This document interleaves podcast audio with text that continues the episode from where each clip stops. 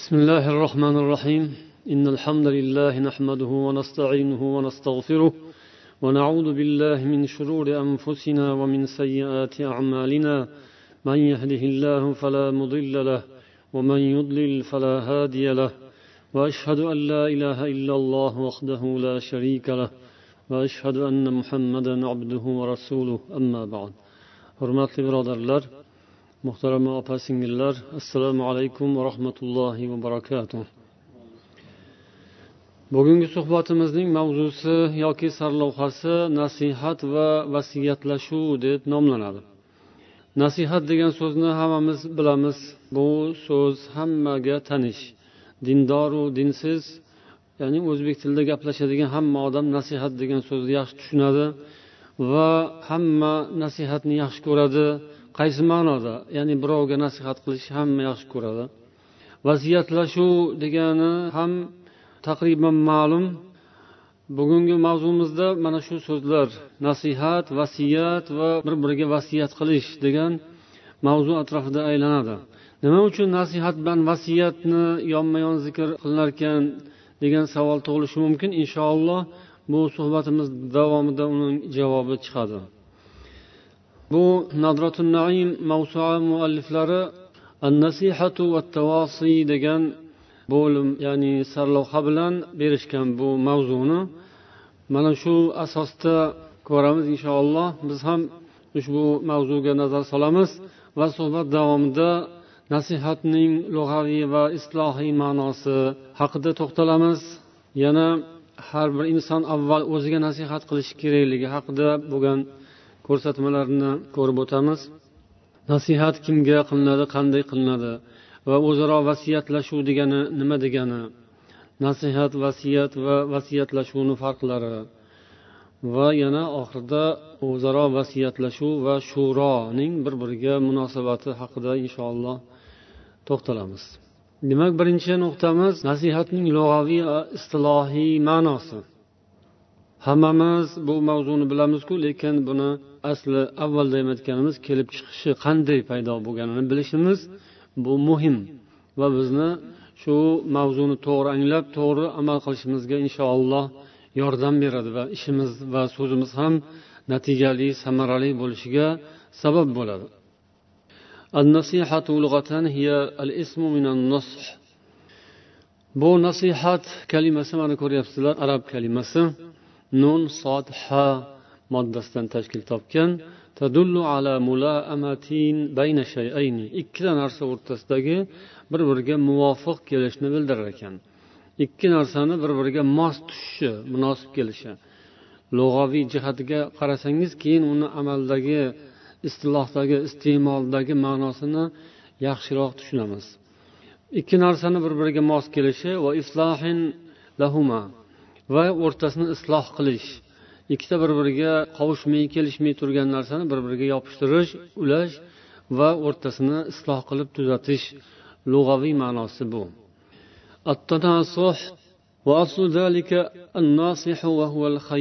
Nosih degani tikuvchi degani ekan. Yana annisoh bu igna. Tikish tikuvchi degan ma'nolari bor. Buni lug'aviy ma'nosida. Nasahtu savbi bo'lsa kiyimni tikdim degan ma'nosi bo'lar ekan. Yana bu birinchi ma'nosi bo'lsa ikkinchi ma'nosi nasihatu xilaful g'ish. G'ishning teskarisi g'ish arab tilida aldamchilik qalloblik va g'irromlikni anglatadi. Buning ziddi bo'lsa nima bo'ladi? Ya'ni g'irromlik aldamchilik va muttahamlik qalloblikning teskarisi nima bo'ladi? To'g'rilik xolislik halollik poklik va hokazo. Demak bir so'z bilan aytsak xolislik bo'ladi. Va mana shu ma'nosi istilohiy ma'noga yaqin. Tavbatun nasuh degan ibora ko'p keladi. Eshitgansizlar ya'ni rost tavba degani haqiqiy xolis tavba chin tavba. Unaqa bir aldam qaldam yo'q zohirdan odamlarni ko'ziga emas balkim chin dildan qilingan tavbani tavbatun nasuh deyiladi. Yana nosihul asal degan ibora ishlatilar ekan. Arab iboralarida ya'ni pokiza toza asal degani ekan. Va nasihu naqiyul qalb. Nasih deb qalbi toza odamni aytiladi. Va nushu al ixlos yana nasihat yoki nusuh degani ixlos degan ma'nosi ham bor. Endi mana shulardan kelib chiqqan holda ulamolar nasihatni istilohiy ma'nosini shunday ta'riflashadiki kalimatun jamiatun tatadammanu قيام الناصح للمنصوح له بوجوه الخير إرادة وفعلا nasihat qiluvchi odam nasihat qilinadigan insonga nisbatan hamma yaxshiliklarni ravo ko'rishi ham niyatda ham amalda shuni taqdim qilishini nasihat deyiladi ya'ni bir odam ikkinchi odamga nasihat qildi deymiz biz shuni ilmiy tarifi mana shunday وتشمل النصيحة لله ولرسوله ولكتابه ولأئمة المسلمين وعامتهم yana hadisda kelganidek nasihat deganda ollohga nasihat payg'ambarga nasihat va allohning kitobiga musulmonlarning imomlariga va omma musulmonlarga nasihat ham shuni ichiga kiradi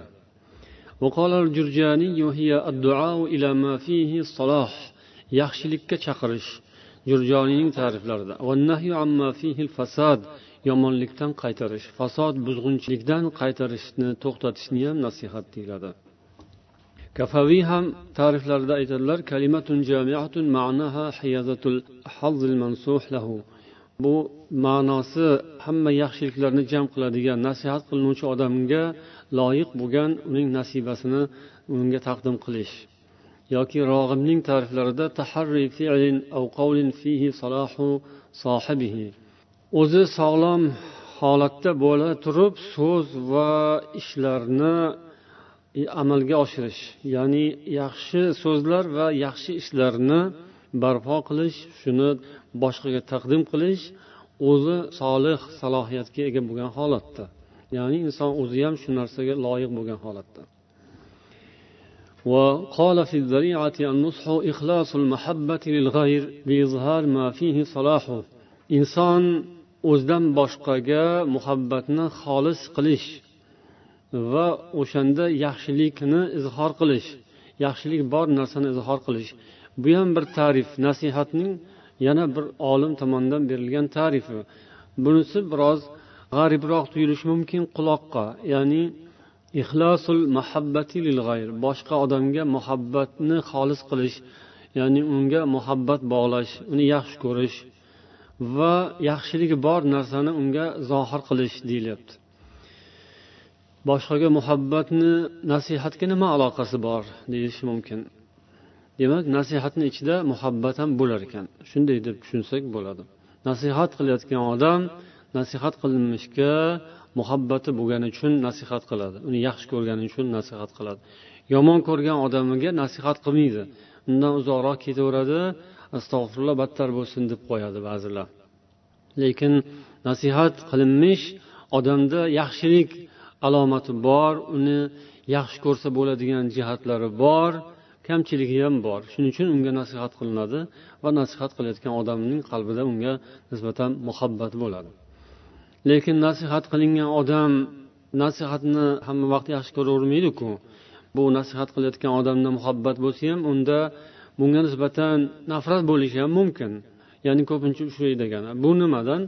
Bu endi shu mavzuni tushunmaslik yoki insonning dindan bo'lgan nasibasining darajasiga qaraydi. E'tiqodiy iymonning darajasiga tushunchasini darajasiga qaraydi. Tushunchalarning sayozligi yoki qalbning kirligi ham bu o'rinda ta'sirga ega. Yoki nasihat qiluvchi odamning o'zining xolis emasligiga ham borib taqaladi. Nasihat qiluvchi odamni o'zi ham yetarli darajada xolis bo'lmasa uni ham o'zini holati yetarli darajada bo'lmasa me'yorida bo'lmasa demak nasihat qilinmish odamga bu narsani ta'siri bo'lmaydi yoki o'rtada nizo yoki nafrat paydo bo'lishi mumkin. Nasihatning eng boshi avvali qayerda? Avvali insonning o'zida. Avvalo o'zingizga nasihat. Har kim o'ziga nasihat qilishi kerak ekan. Eng birinchi nasihat nasihatning boshlanishi birinchi nuqtasi inson o'z nafsiga bo'lishi kerak. O'z nafsiga nasihat qila oladimi odam keyin boshqaga nasihat qilsa bo'ladi. O'z nafsiga g'irromlik qilib yurgan odam boshqaga nasihatni qilmaydi. Boshqaga qilayotgan nasihati rost nasihat bo'lmaydi. Nasihat o'zi halollik rostlik xolislik ekan. G'ishni teskarisi ya'ni aldamchilikni teskarisi. Agar odam o'ziga nisbatan aldamchi bo'lib yurgan bo'lsa u qanday qilib boshqaga xolis bo'ladi? Bo'lmaydi. Avval inson o'ziga nasihat qilsin. Ya'ni o'ziga xolis bo'lsin. O'zini nafsini o'zi biladi taniydi. Kimligini nima qilib yurganini nimani o'ylab yurganini odam o'zi biladi. Uni birov bilmasa ham.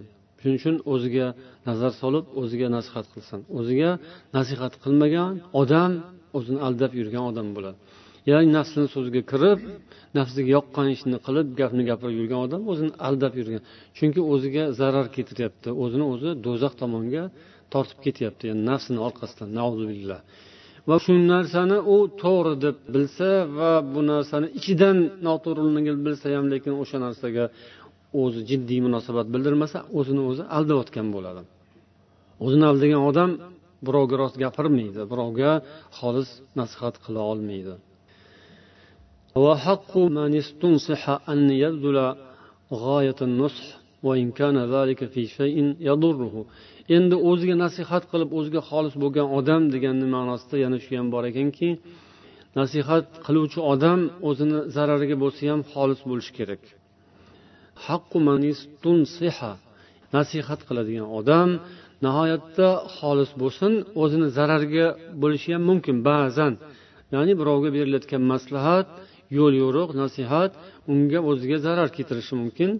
Lekin bu odamni xolisligi bo'lsa haqiqatdan o'zi nasihatni o'ziga qilgan odam bo'lsa u shunga sabr qiladi. Bunga sabr qilish kerak rozi bo'lishi kerak odam. Bu oson ish emas. Lekin chinakam nosih odam xolis odamga bu nasib bo'ladi. Alloh taoloni mana bu so'ziga e'tibor berish kerak. U odam ya ayyuhallazina amanu kunu qawwamina bil qisti shuhada'a lillahi walau ala anfusikum. Ey iymon keltirgan zotlar alloh uchun guvoh bo'lgan holingizda adolatni qoyim qilingiz agar o'zingizning zararingizga bo'lsa ham. Yana bu oyatni davomida qarindoshlaringizning yaqin kishilaringizning zarariga bo'lsa ham degan. Xolis odam shunday bo'ladi. Qarindosh urug'chilik yaqinchilik boshqa birodarlik hammasi o'zini o'rnida o'zining hammasini maqomi bor lekin xolislik hammaga barobar bo'lishi kerak. Qarindoshga ham begonaga ham. Begonaga xolis bo'lib qarindoshlik munosabatlar kelganda ozgina aylanib o'tish bu to'g'ri emas. Haq gapni gapirayotgan mahalda yaqinlariga yaxshi ko'rgan odamga yoki qarindoshiga yoki o'ziga eng birinchi o'zidan boshlang olloh eng avval nuqtada inson o'zi turadi. O'zgalar bo'lsa ham haqni to'g'risini ayta bilish kerak. Bu odam xolis nosih odam bo'ladi. Agar so'z aytsangiz adolat qiling. Ya'ni haq to'g'ri adl bilan so'zlang agar u yaqiningiz bo'lsa ham ya'ni yaqiningiz bo'lsa ham to'g'ri so'zlaganingizda uning zarari bo'ladigan bo'lsa hech narsa qilmaydi. Xolislik nasihatgo'ylik nasihatgo'y deganda biz ya'ni omma odamlar shu hadeb nasihat qilaveradigan doim gapiraveradiganni tushunishadi lekin asli nasihatgo'y xolis to'g'ri so'z odam xolislikni foydasi ko'p insonni o'ziga eng avvalo ekan وقال ابن عباس رضي الله عنهما لا يزال الرجل يزداد في صحة رأيه ما نصح لمستشيره inson undan maslahat so'ragan odamga yoki maslahat berilayotgan odamga agar xolislikda davom etadigan bo'lsa uning fikrlarining sog'lomligi fikrlarining tiniqligi yo'qolmaydi. Davomiy bo'ladi.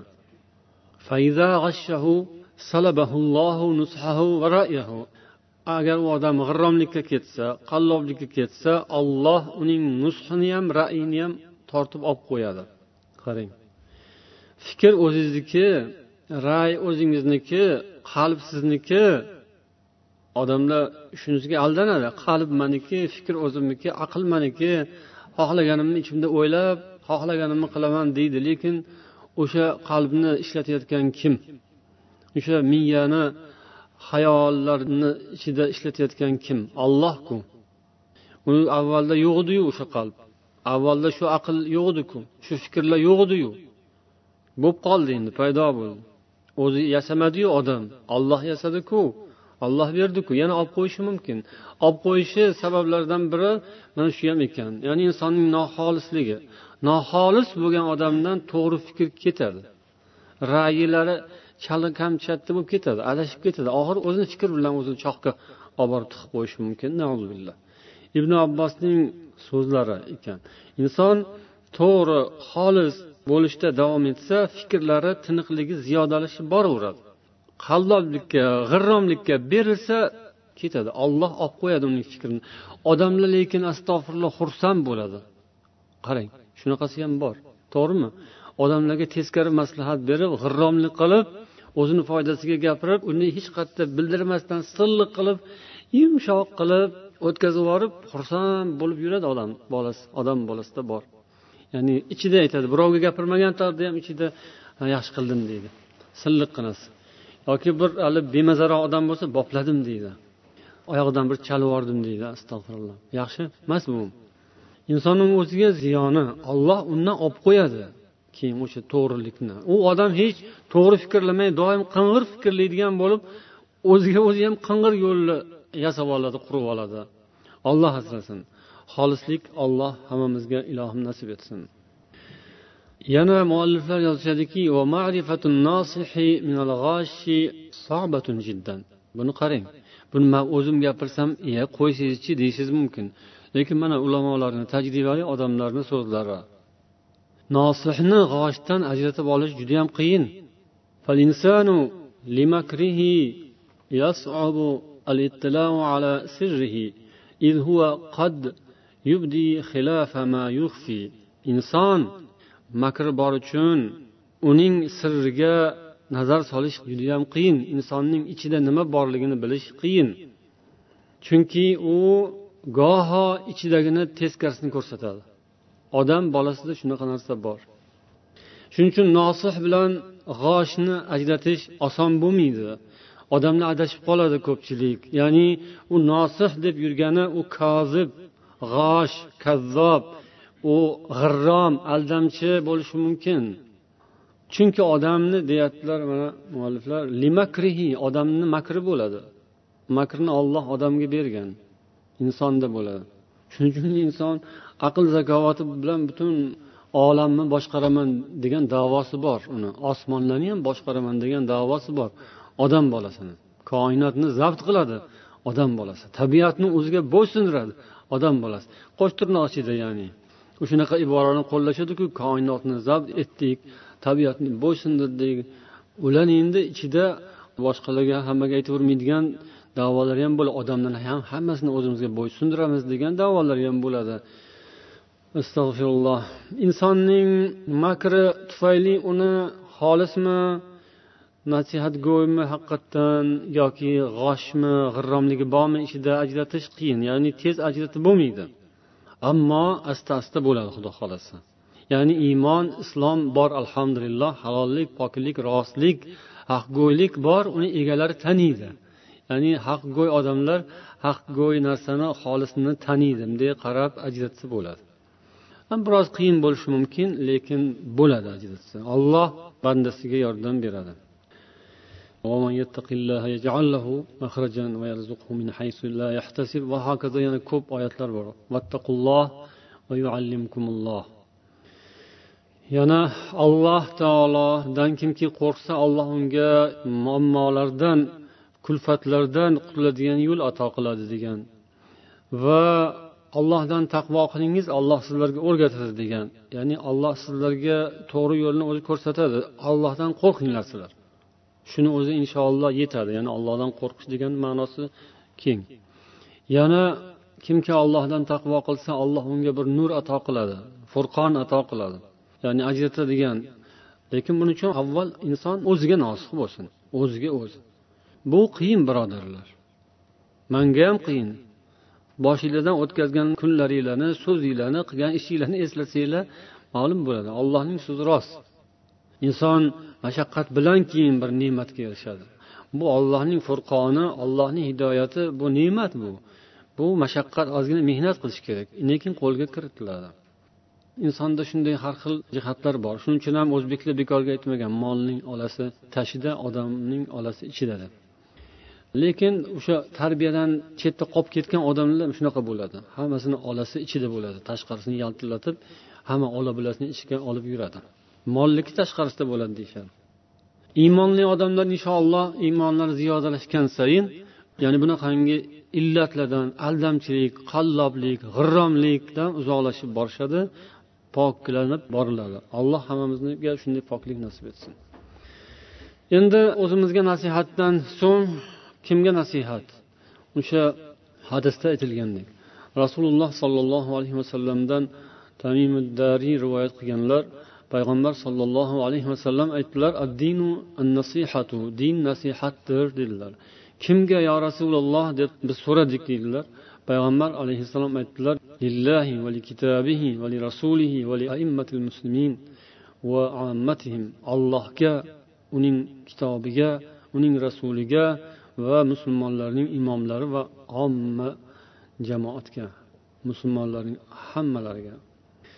Ulamolar bu nasihatning turlarini ta'riflab berishgan biz ham qisqa qisqa nazar solib o'taylik. Ibn hajarning ta'riflarini keltirilgan bu yerda. Allohga nasihat degani ollohni o'zi qanday sifatlagan bo'lsa o'shanday sifatlash unga taslim bo'lish bo'ysunish taslim bo'lganda zohiran va botinan. Tashqarisidan ham ichingizdan ham. Hali yuqorida aytganlarimiz o'sha ichingizdan taslim bo'lishga kiradi. Tashqaringiz namozxon ibodatli shirin so'zli yaxshi muomalali lekin ichingiz taslim bo'lmagan bo'lishi mumkin. Ichingizda o'ziz biladigan narsalar bor o'zim bilaman. Astag'firulloh. Xullas ichingiz tashingiz taslim bo'lsin allohga. Shunda siz allohga nosih bo'lgan bo'lasiz. Ya'ni allohga nasihat. Olloh huzurida xolis bo'lgan bo'lasiz. Olloh yaxshi ko'radigan narsalarga intilish o'sha olloh yaxshi ko'radigan narsalarni qilish bilan. Va olloh yomon ko'radigan narsalardan o'zini uzoq tutish qo'rqish qochish. Val jihad fi raddil osina ilayh allohga osiy bo'lgan odamlarga jihod qilish ya'ni harakat mehnat qilib ularni to'g'ri yo'lga tortish. Endi allohning kitobiga nasihat degani taallum uni o'rganish. Ta'lim ta'lim berib o'rgatish. Iqomat hurufihi fi tilovat tilovatda chiroyli tajvidi bilan harflarni joyiga qo'yib ado qilish. Tahriruha fil kitaba chiroyli yozish yozuv chizuvlari ham qur'onni bu ham shunga kiradi.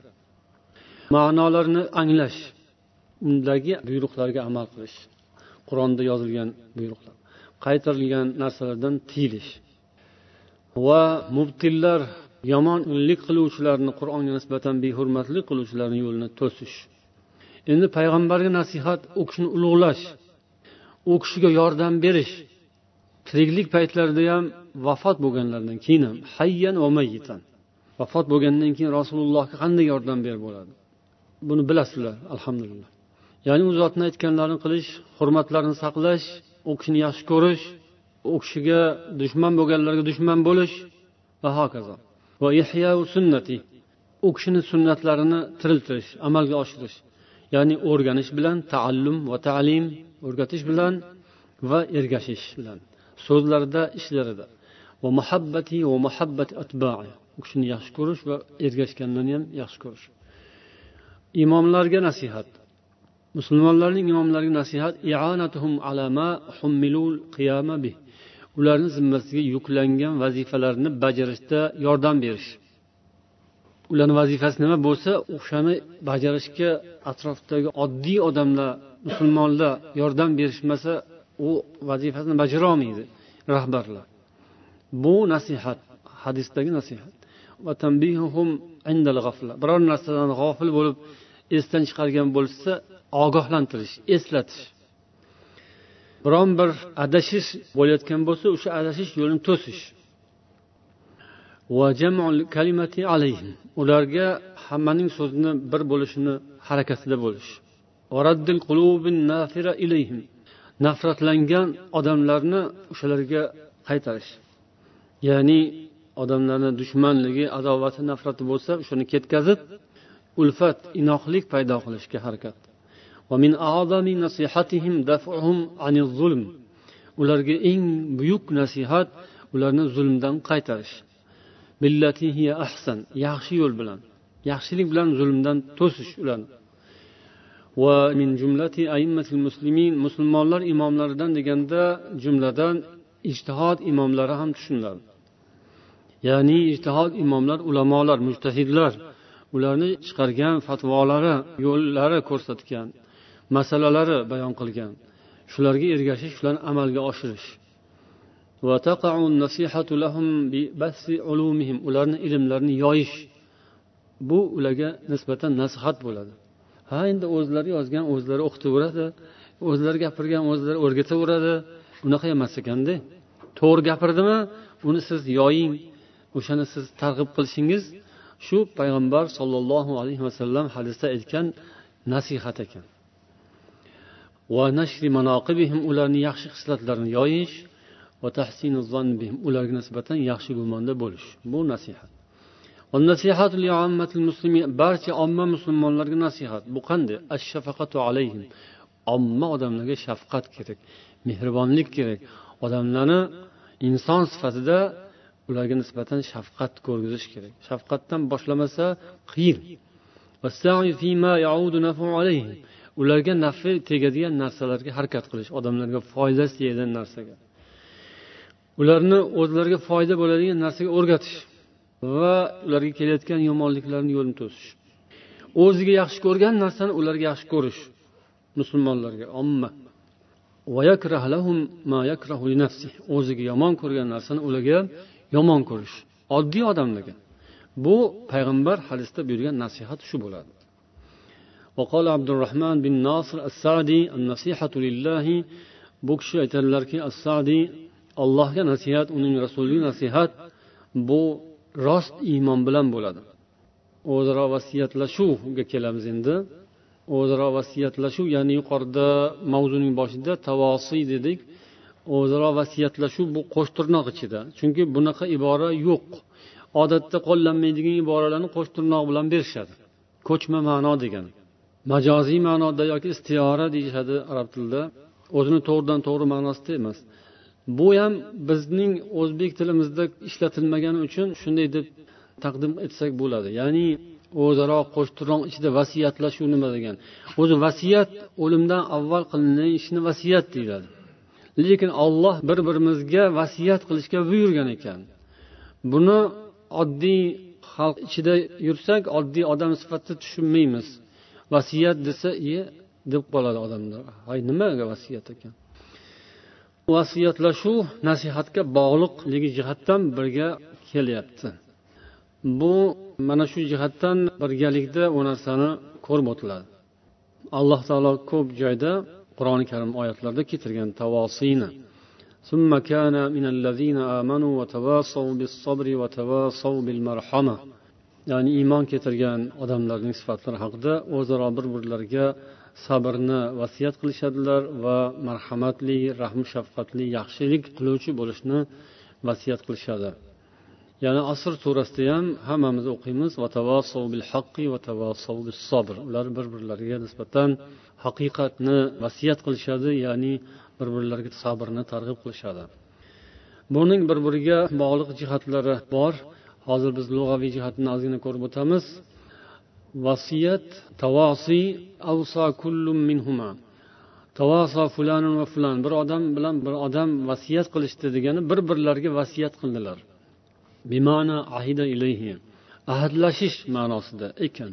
Ya'ni ahdi paymon qilish bir birlari bilan.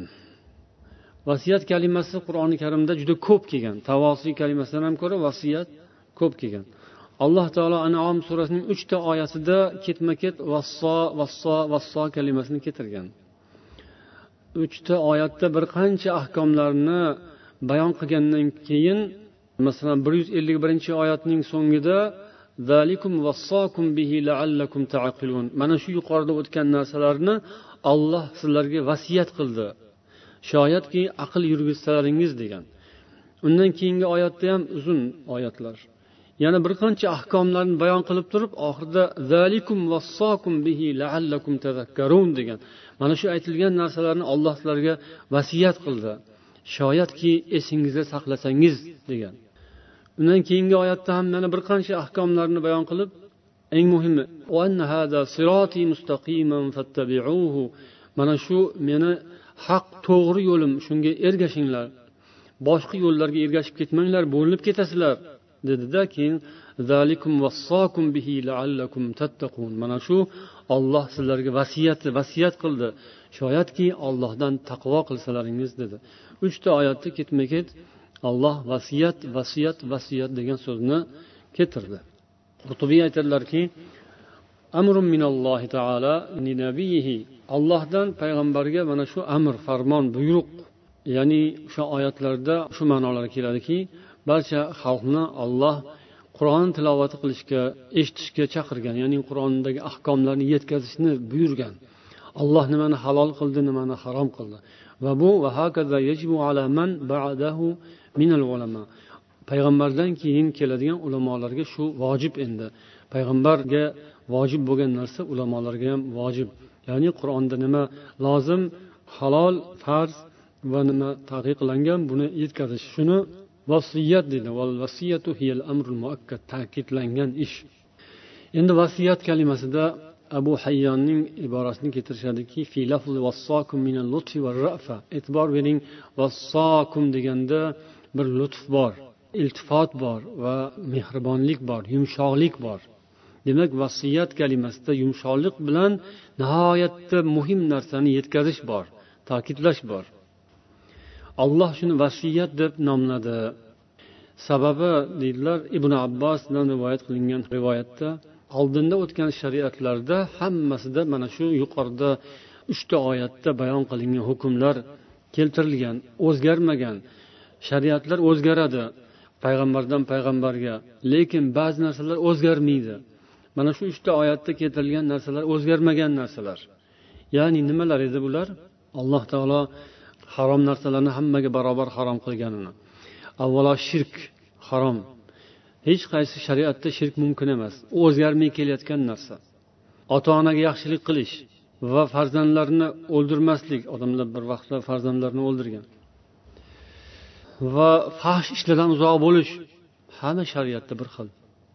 Odam o'ldirish nohaq hamma shariatda bir xil harom. Yetimni molini yeyish hamma shariatda bir xilda harom. Toshu tarozida adolat bilan turish hamma shariatda bir xilda harom. Gap gapirganda to'g'ri haqni gapirish bir xilda.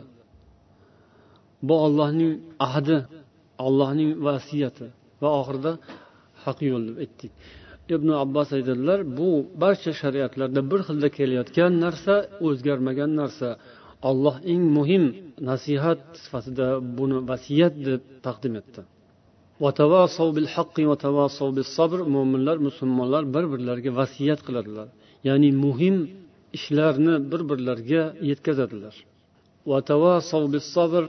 ya'ni sabrga da'vat qiladilar allohning toatida turish uchun sabr kerak inson o'zini tutib bu olloh yo'liga yurish uchun o'zida quvvat hosil qilish kerak وقال النيسابوري وفي لفظ التواصي دون الدعاء أو النصيحة mana bu so'z e'tiborli nihoyatda ya'ni naysaburiy aytgan ekanlar tavosiyda duo yoki nasihat demasdan tavosiy ya'ni bir birlariga vasiyat qilishadi deganning ma'nosida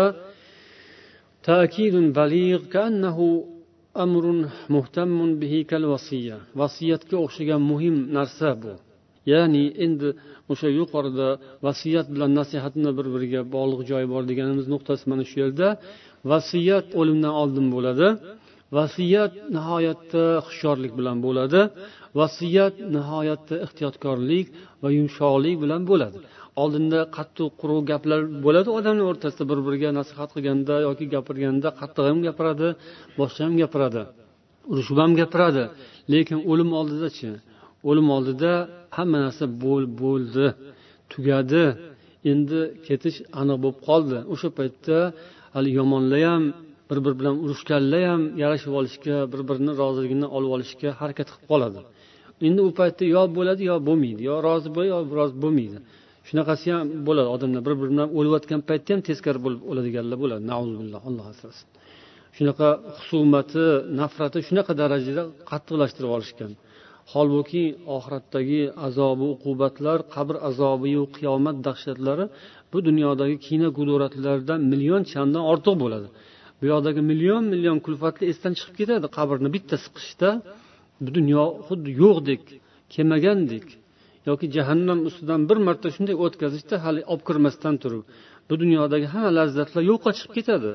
Lekin ba'zi odamning tushunchasi qattiq bo'ladi. Astag'firulloh o'lim oldidan qilinadigan vasiyat shunaqa bir nozik narsa va unda rafat bor deyishadi ulamolar. Ya'ni muloyimlik bor. Har qanday qattiq odam ham vasiyat paytida muloyimlik bilan gapiradi. Ya'ni qattiq gapirganni urushganni foydasi yo'q endi o'rni emas endi. Nihoyatda donolik kerak hikmat kerak yumshoqlik kerak hushyor ehtiyotkorlik bilan oxirgi so'z endi u. Oxirgi so'zni qanday aytadi odam? Astag'firulloh unaqa qattiq gapirmaydi. Sekin sekin gapiradi. Lekin o'sha oxirgi so'z esda qoladi. O'shani yozib qoldirishadi odamlar. Ya'ni u yozuvchi shoir qator qator yozgan asarlari bo'lsa unaqa emas. Oddiy omi odam hech narsani bilmaydigan va oddiy musulmon bo'lsa ham uni so'zini yozib qo'yiladigan joyi bo'ladi. Yozib olib qo'yiladigan saqlanadigan so'zlari bo'ladi. O'sha qachon desangiz o'sha vasiyat o'sha omonat topshirayotgan mahalda. Olloh musulmonlar bir birlariga vasiyat qiladilar deb ta'riflagan. musulmonlar bir birlariga haqni vasiyat qilishadi bir birlariga sabrni vasiyat qilishadi vasiyat qilib bir birlariga aytib yurishadi shunday muhimligi chiqadi bu yerdan endi shu o'zaro vasiyatlashuvni istilohiy ma'nosida aytishadiki ulamolar أن يوصي بعض الناس بعضا بالعمل بكتاب الله وبطاعته وبالانتهاء عما نهى الله عنه musulmon odamlar bir birlariga ollohning kitobiga amal qilishni vasiyat qilishadi. Shu vasiyatni ma'nosi shu. Itoat qilishlari va olloh qaytargan narsadan to'xtashni. Vasiyat ikki xil ma'noda deydilar ulamolar. Birinchisi shu o'limdan keyin qilinadigan ishlarni aytib vasiyat qilish. Birinchi ma'nosi bu. O'lgandan keyin mana palon narsani pistonchiga beringlar. Mana uni bundoq qilib qo'yinglar deb odam vasiyat qiladi ko'proq molga tegishli narsalarni pul molga. Bu vasiyat shu ma'noda bo'ladi. Lekin ikkinchisi bu yerda hozir murod qilinayotgan ikkinchi qismi shuki ya'ni nahiy qilingan narsalardan kuchli qaytarish bor. Buyurgan narsalarga qattiq qiziqtirish bor. Mana shu bu o'rindagi vasiyat. Ya'ni musulmonlarni bu ishlari jiddiy ma'no bilan qilinishi kerakligi bunga e'tiborsizlik bo'lmaslik lozimligi ketyapti bu yerda ma'nosi. Endi nasihat vasiyat o'zaro vasiyatni bir biridan farqi haqida yana mualliflar yozishgan. Bu yerda uchta narsa bor.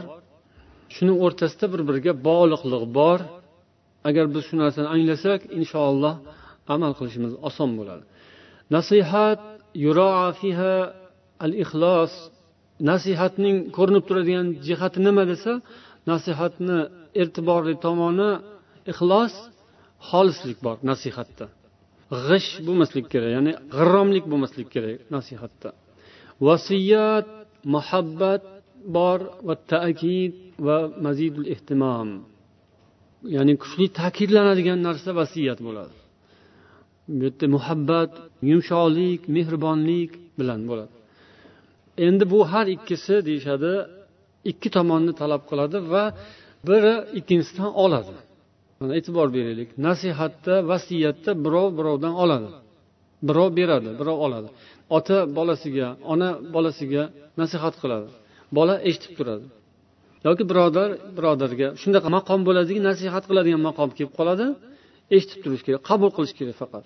Vasiyat ham shunaqa. Bir tomon vasiyat qiladi ikkinchi tomon boshqa hamma ya'ni ikkinchi tomon deganda hamma. Bir tomon haligi vafot etayotgan odam. U beradi bu oladi. Lekin tavosiyning farqi shuki bu yerda amma fit tavosi fa inna va mutalaqqin fi anin wahid ikki tomon ham bir vaqtni o'zida oldi berdi qiladi. Buni otini tavosiy deyiladi. Ya'ni vasiyatlashuv shu bo'ladi. Ikki tomon bir biriga bir vaqtni o'zida oladi beradi siz manga man sizga vasiyat qilamiz va qabul qilamiz olamiz. Buni o'sha nasihat bilan vasiyatdan farqi shu ekan to'g'ri birinchi ma'nodagi vasiyat o'sha o'lim oldidan qilinadigan vasiyat lekin o'zaro musulmonlarni bir birlari bilan vasiyatlashuvlari esa bu o'lim kelmasdan avval o'lim xavfi yo'q paytda qilinadigan narsa. O'lim ham so'rab kelib qolmaydiku. O'lim kelib qolgan mahalda vasiyat qilishga ulgurmay ham qoladi odam. Bu yog'i ham bor. Shuning uchun avvaldan bir biriga vasiyatlashib yurish bu judayam yaxshi foydali narsa. O'lim kelgan paytda g'am dardu alam bilan ketmaydi odam. Bir dunyo g'am armon bilan billah olloh asrasin bu dunyoga odam bir marta keladiyu shu bir marta kelishda bir dunyo armon bilan ketsa arzimaydi xudo asrasin. Shunga hushyor bo'lish kerak odam. Tayyor bo'lish kerak. O'lim bilmaymiz kimga qachon kelishini. Uni olloh biladi bu g'ayb. Kimgadir ertaroq kimgadir kechroq. Yosh qarini farqi yo'q. Kasal va sog'ni ahamiyati yo'q. Boy kambag'alni e'tibori yo'q. Shohu gadoni ahamiyati yo'q. Olloh xohlaganini olib ketadi. Shunday ekan musulmonlar doimo bir birlariga vasiyatlashib yurishlari muhim shu jihatdan. Ha vasiyatni hammamiz bilamiz. O'layotganda qilinadi vasiyatni. Ha unga ulgurarmiz deb kimnidir dildan o'tar. Lekin olloh biladi ulguradimi ulgurmaydimi? Shuning uchun mana bu yo'l yaxshi ekan. Vasiyatni ikkinchi ma'nosi ya'ni ko'chma ma'nosi bu vasiyatlashib yurish bir biriga vasiyatini qilib yurish aytadigan so'zni aytib olish ya'ni dilida qolib ketmasin ichida qolib ketmasin ichidagini gapirib bir birini ko'nglini ochiq qilib orani ochiq qilib bir biridan doimo rozi bo'lib yurish qanday yaxshi? Xotirjam uxlaydi alhamdulillah yaxshi tushlarni ko'rib ibodatlarni chiroyli qiladi qur'onni yaxshi o'qiydi ibodat qilganda lazzat oladi. Lekin odamlar bor ibodat qilib ham lazzat olmaydi. Uyqusida ham halovat yo'q yurish turishda halovat yo'q baraka yo'q. Bu nima o'sha ochiqlik yo'qligidan vasiyatlashuv yo'qligidan bir biri bilan ochiq ko'ngil bilan chiroyli suhbatlashib aytadigan gapini bemalol aytishligi yo'qligidanda. Mana hozirgi zamon tilida aytilsa tanqid deb qo'yishadi ular. Lekin islomda nasihat shuni o'rnida undan ham o'tib ketadigan undan ham ko'ra chiroyliroq bama'niroq va ma'noliroq mazmunliroq ikki olam mazmunni o'ziga oladigan nasihat. Alloh barchamizga nasihatni nasib etsin. Ya'ni nasihat avvalo o'zimizga. O'zimiz xolis bo'laylik. Ichimiz kirlardan xoli bo'lsin dilimiz toza bo'laylik keyin shu tozalik bilan bir birimizga muomala qilaylik. Oxirgi nuqta o'zaro vasiyatlashuv va shuro. Ya'ni bu mavzuning davomida shunday keladi. Attavosiy va shuro. Vasiyatlashuv shuro bir biriga bog'liq narsa ekan. Mana nasihat vasiyat vasiyatlashuv bir biriga bog'liq bo'lganga o'xshab vasiyatlashuv bilan yana bir bog'liq narsa borki bu shuro sho'ro o'zbekchasida bu haqda biz avvalgi suhbatlarimizda sizlar bilan gaplashdik ya'ni shuroni islomiy tarifi. Bu yerda nasihat vasiyatga bog'liq jihati bor. Val asr surasini keltirib ulamolar aytishadi alloh taolo qasam ichib aytadiki inson zoti ziyon ichida bo'ladi. Ziyonda bo'lmaydigan odam yo'q. U odam bo'lsa u ziyonda bo'ladi albatta. Qiyinchilik mashaqqat ziyon.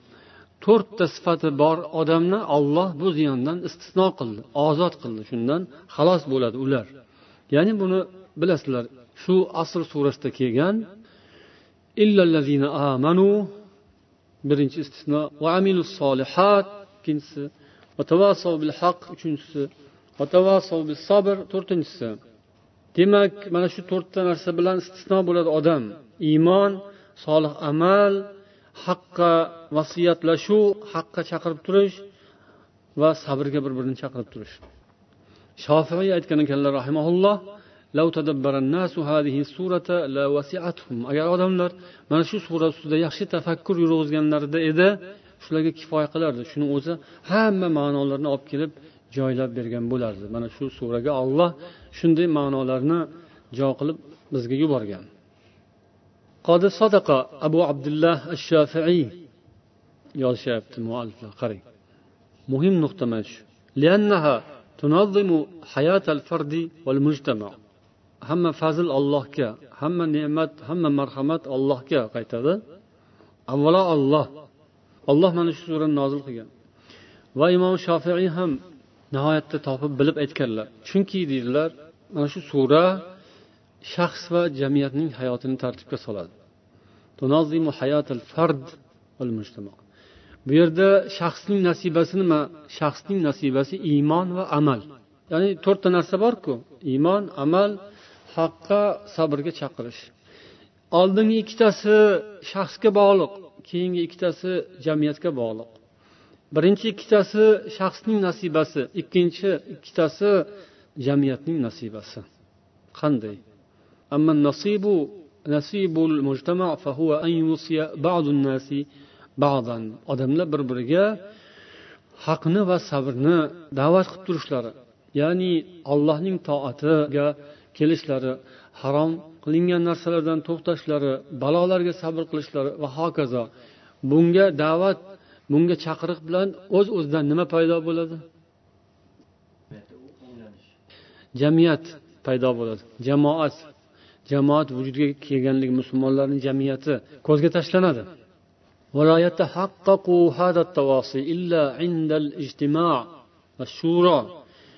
Bu tavosiy faqat ijtimo va shuroda amalga oshadi. Undan boshqa joyda amalga oshmaydi. Musulmon odam komil musulmon bo'lib olloh aytgan ziyon zahmat zarar kulfatlardan ozod bo'lolmaydi to'rttasi bo'lmasa. Va to'rttasini oxirgi ikkitasi jamoat bo'lmasa ijtimo bo'lmasa shuro bo'lmasa bo'lmaydi. U amalga oshmaydi. Iymon solih amal yakka odamni ishi. Lekin tavosiy bir birini haqqa chaqirib sabrga chaqirish bu jamoatni ishi bu jamiyatni ishi bu shuro yig'ilish ijtimo yig'ilish birlashish odamlar bir biri bilan so'zlashish so'ylashish yuzlashish ko'ziga ko'zini qarab bir biri bilan suhbatlashish degani bu birodarlar. ana o'shanda keyin u tavosiy amalga oshadi olloh buyurgan farz shunda amalga oshadi bo'lmasam yo'q bo'ladi va iymon chala bo'ladi va u odam ziyondan qutulmaydi kulfatdan bu dunyoda ham bu dunyoda ham qutulmaydi olloh asrasin ولا تكون هذه الشورى ذات جدوى إلا إذا تضمنت التواصي بالحق وبالصبر وبالمرحمة bu shuro bu ijtimo foydali bo'lmaydi. Agar u yerda tavosiy bo'lmasa haqqa chaqirish bo'lmasa sabrga chaqirish bo'lmasa marhamatga chaqirish bo'lmasa marhamat bu shafqat rahmdillik mehribonlik do'stlik mehr shafqat bir biriga shunaqa bo'lmaydigan bo'lsa demak u yig'indan foyda bo'lmaydi. Yig'in bo'lmasa bu narsa bo'lmaydi. Bir biriga bog'liq narsa bir birini taqozo qiladi. Bir bo'lsa ikkinchisini ham chaqirib keladi. Shunday qilib agar musulmon odamning ishi agar iymon bilan va solih amal bilan solih bo'lsa yaxshi bo'lsa sog'lom bo'lsa yaroqli holga kelsa tuzalsa saluha amrul ummati kullaha bishura shunday qilib barcha ummatning ishi shuro bilan ijtimo bilan bir biriga attavosiy bilan yaroqli holga keladi sog'lom holga keladi tuzaladi shuning uchun birodarlar ko'pchilik bir biriga intilish kerak ijtimo bo'lishi kerak uchrashuv bo'lishi kerak shuro bo'lishi kerak maslahat bo'lishi kerak.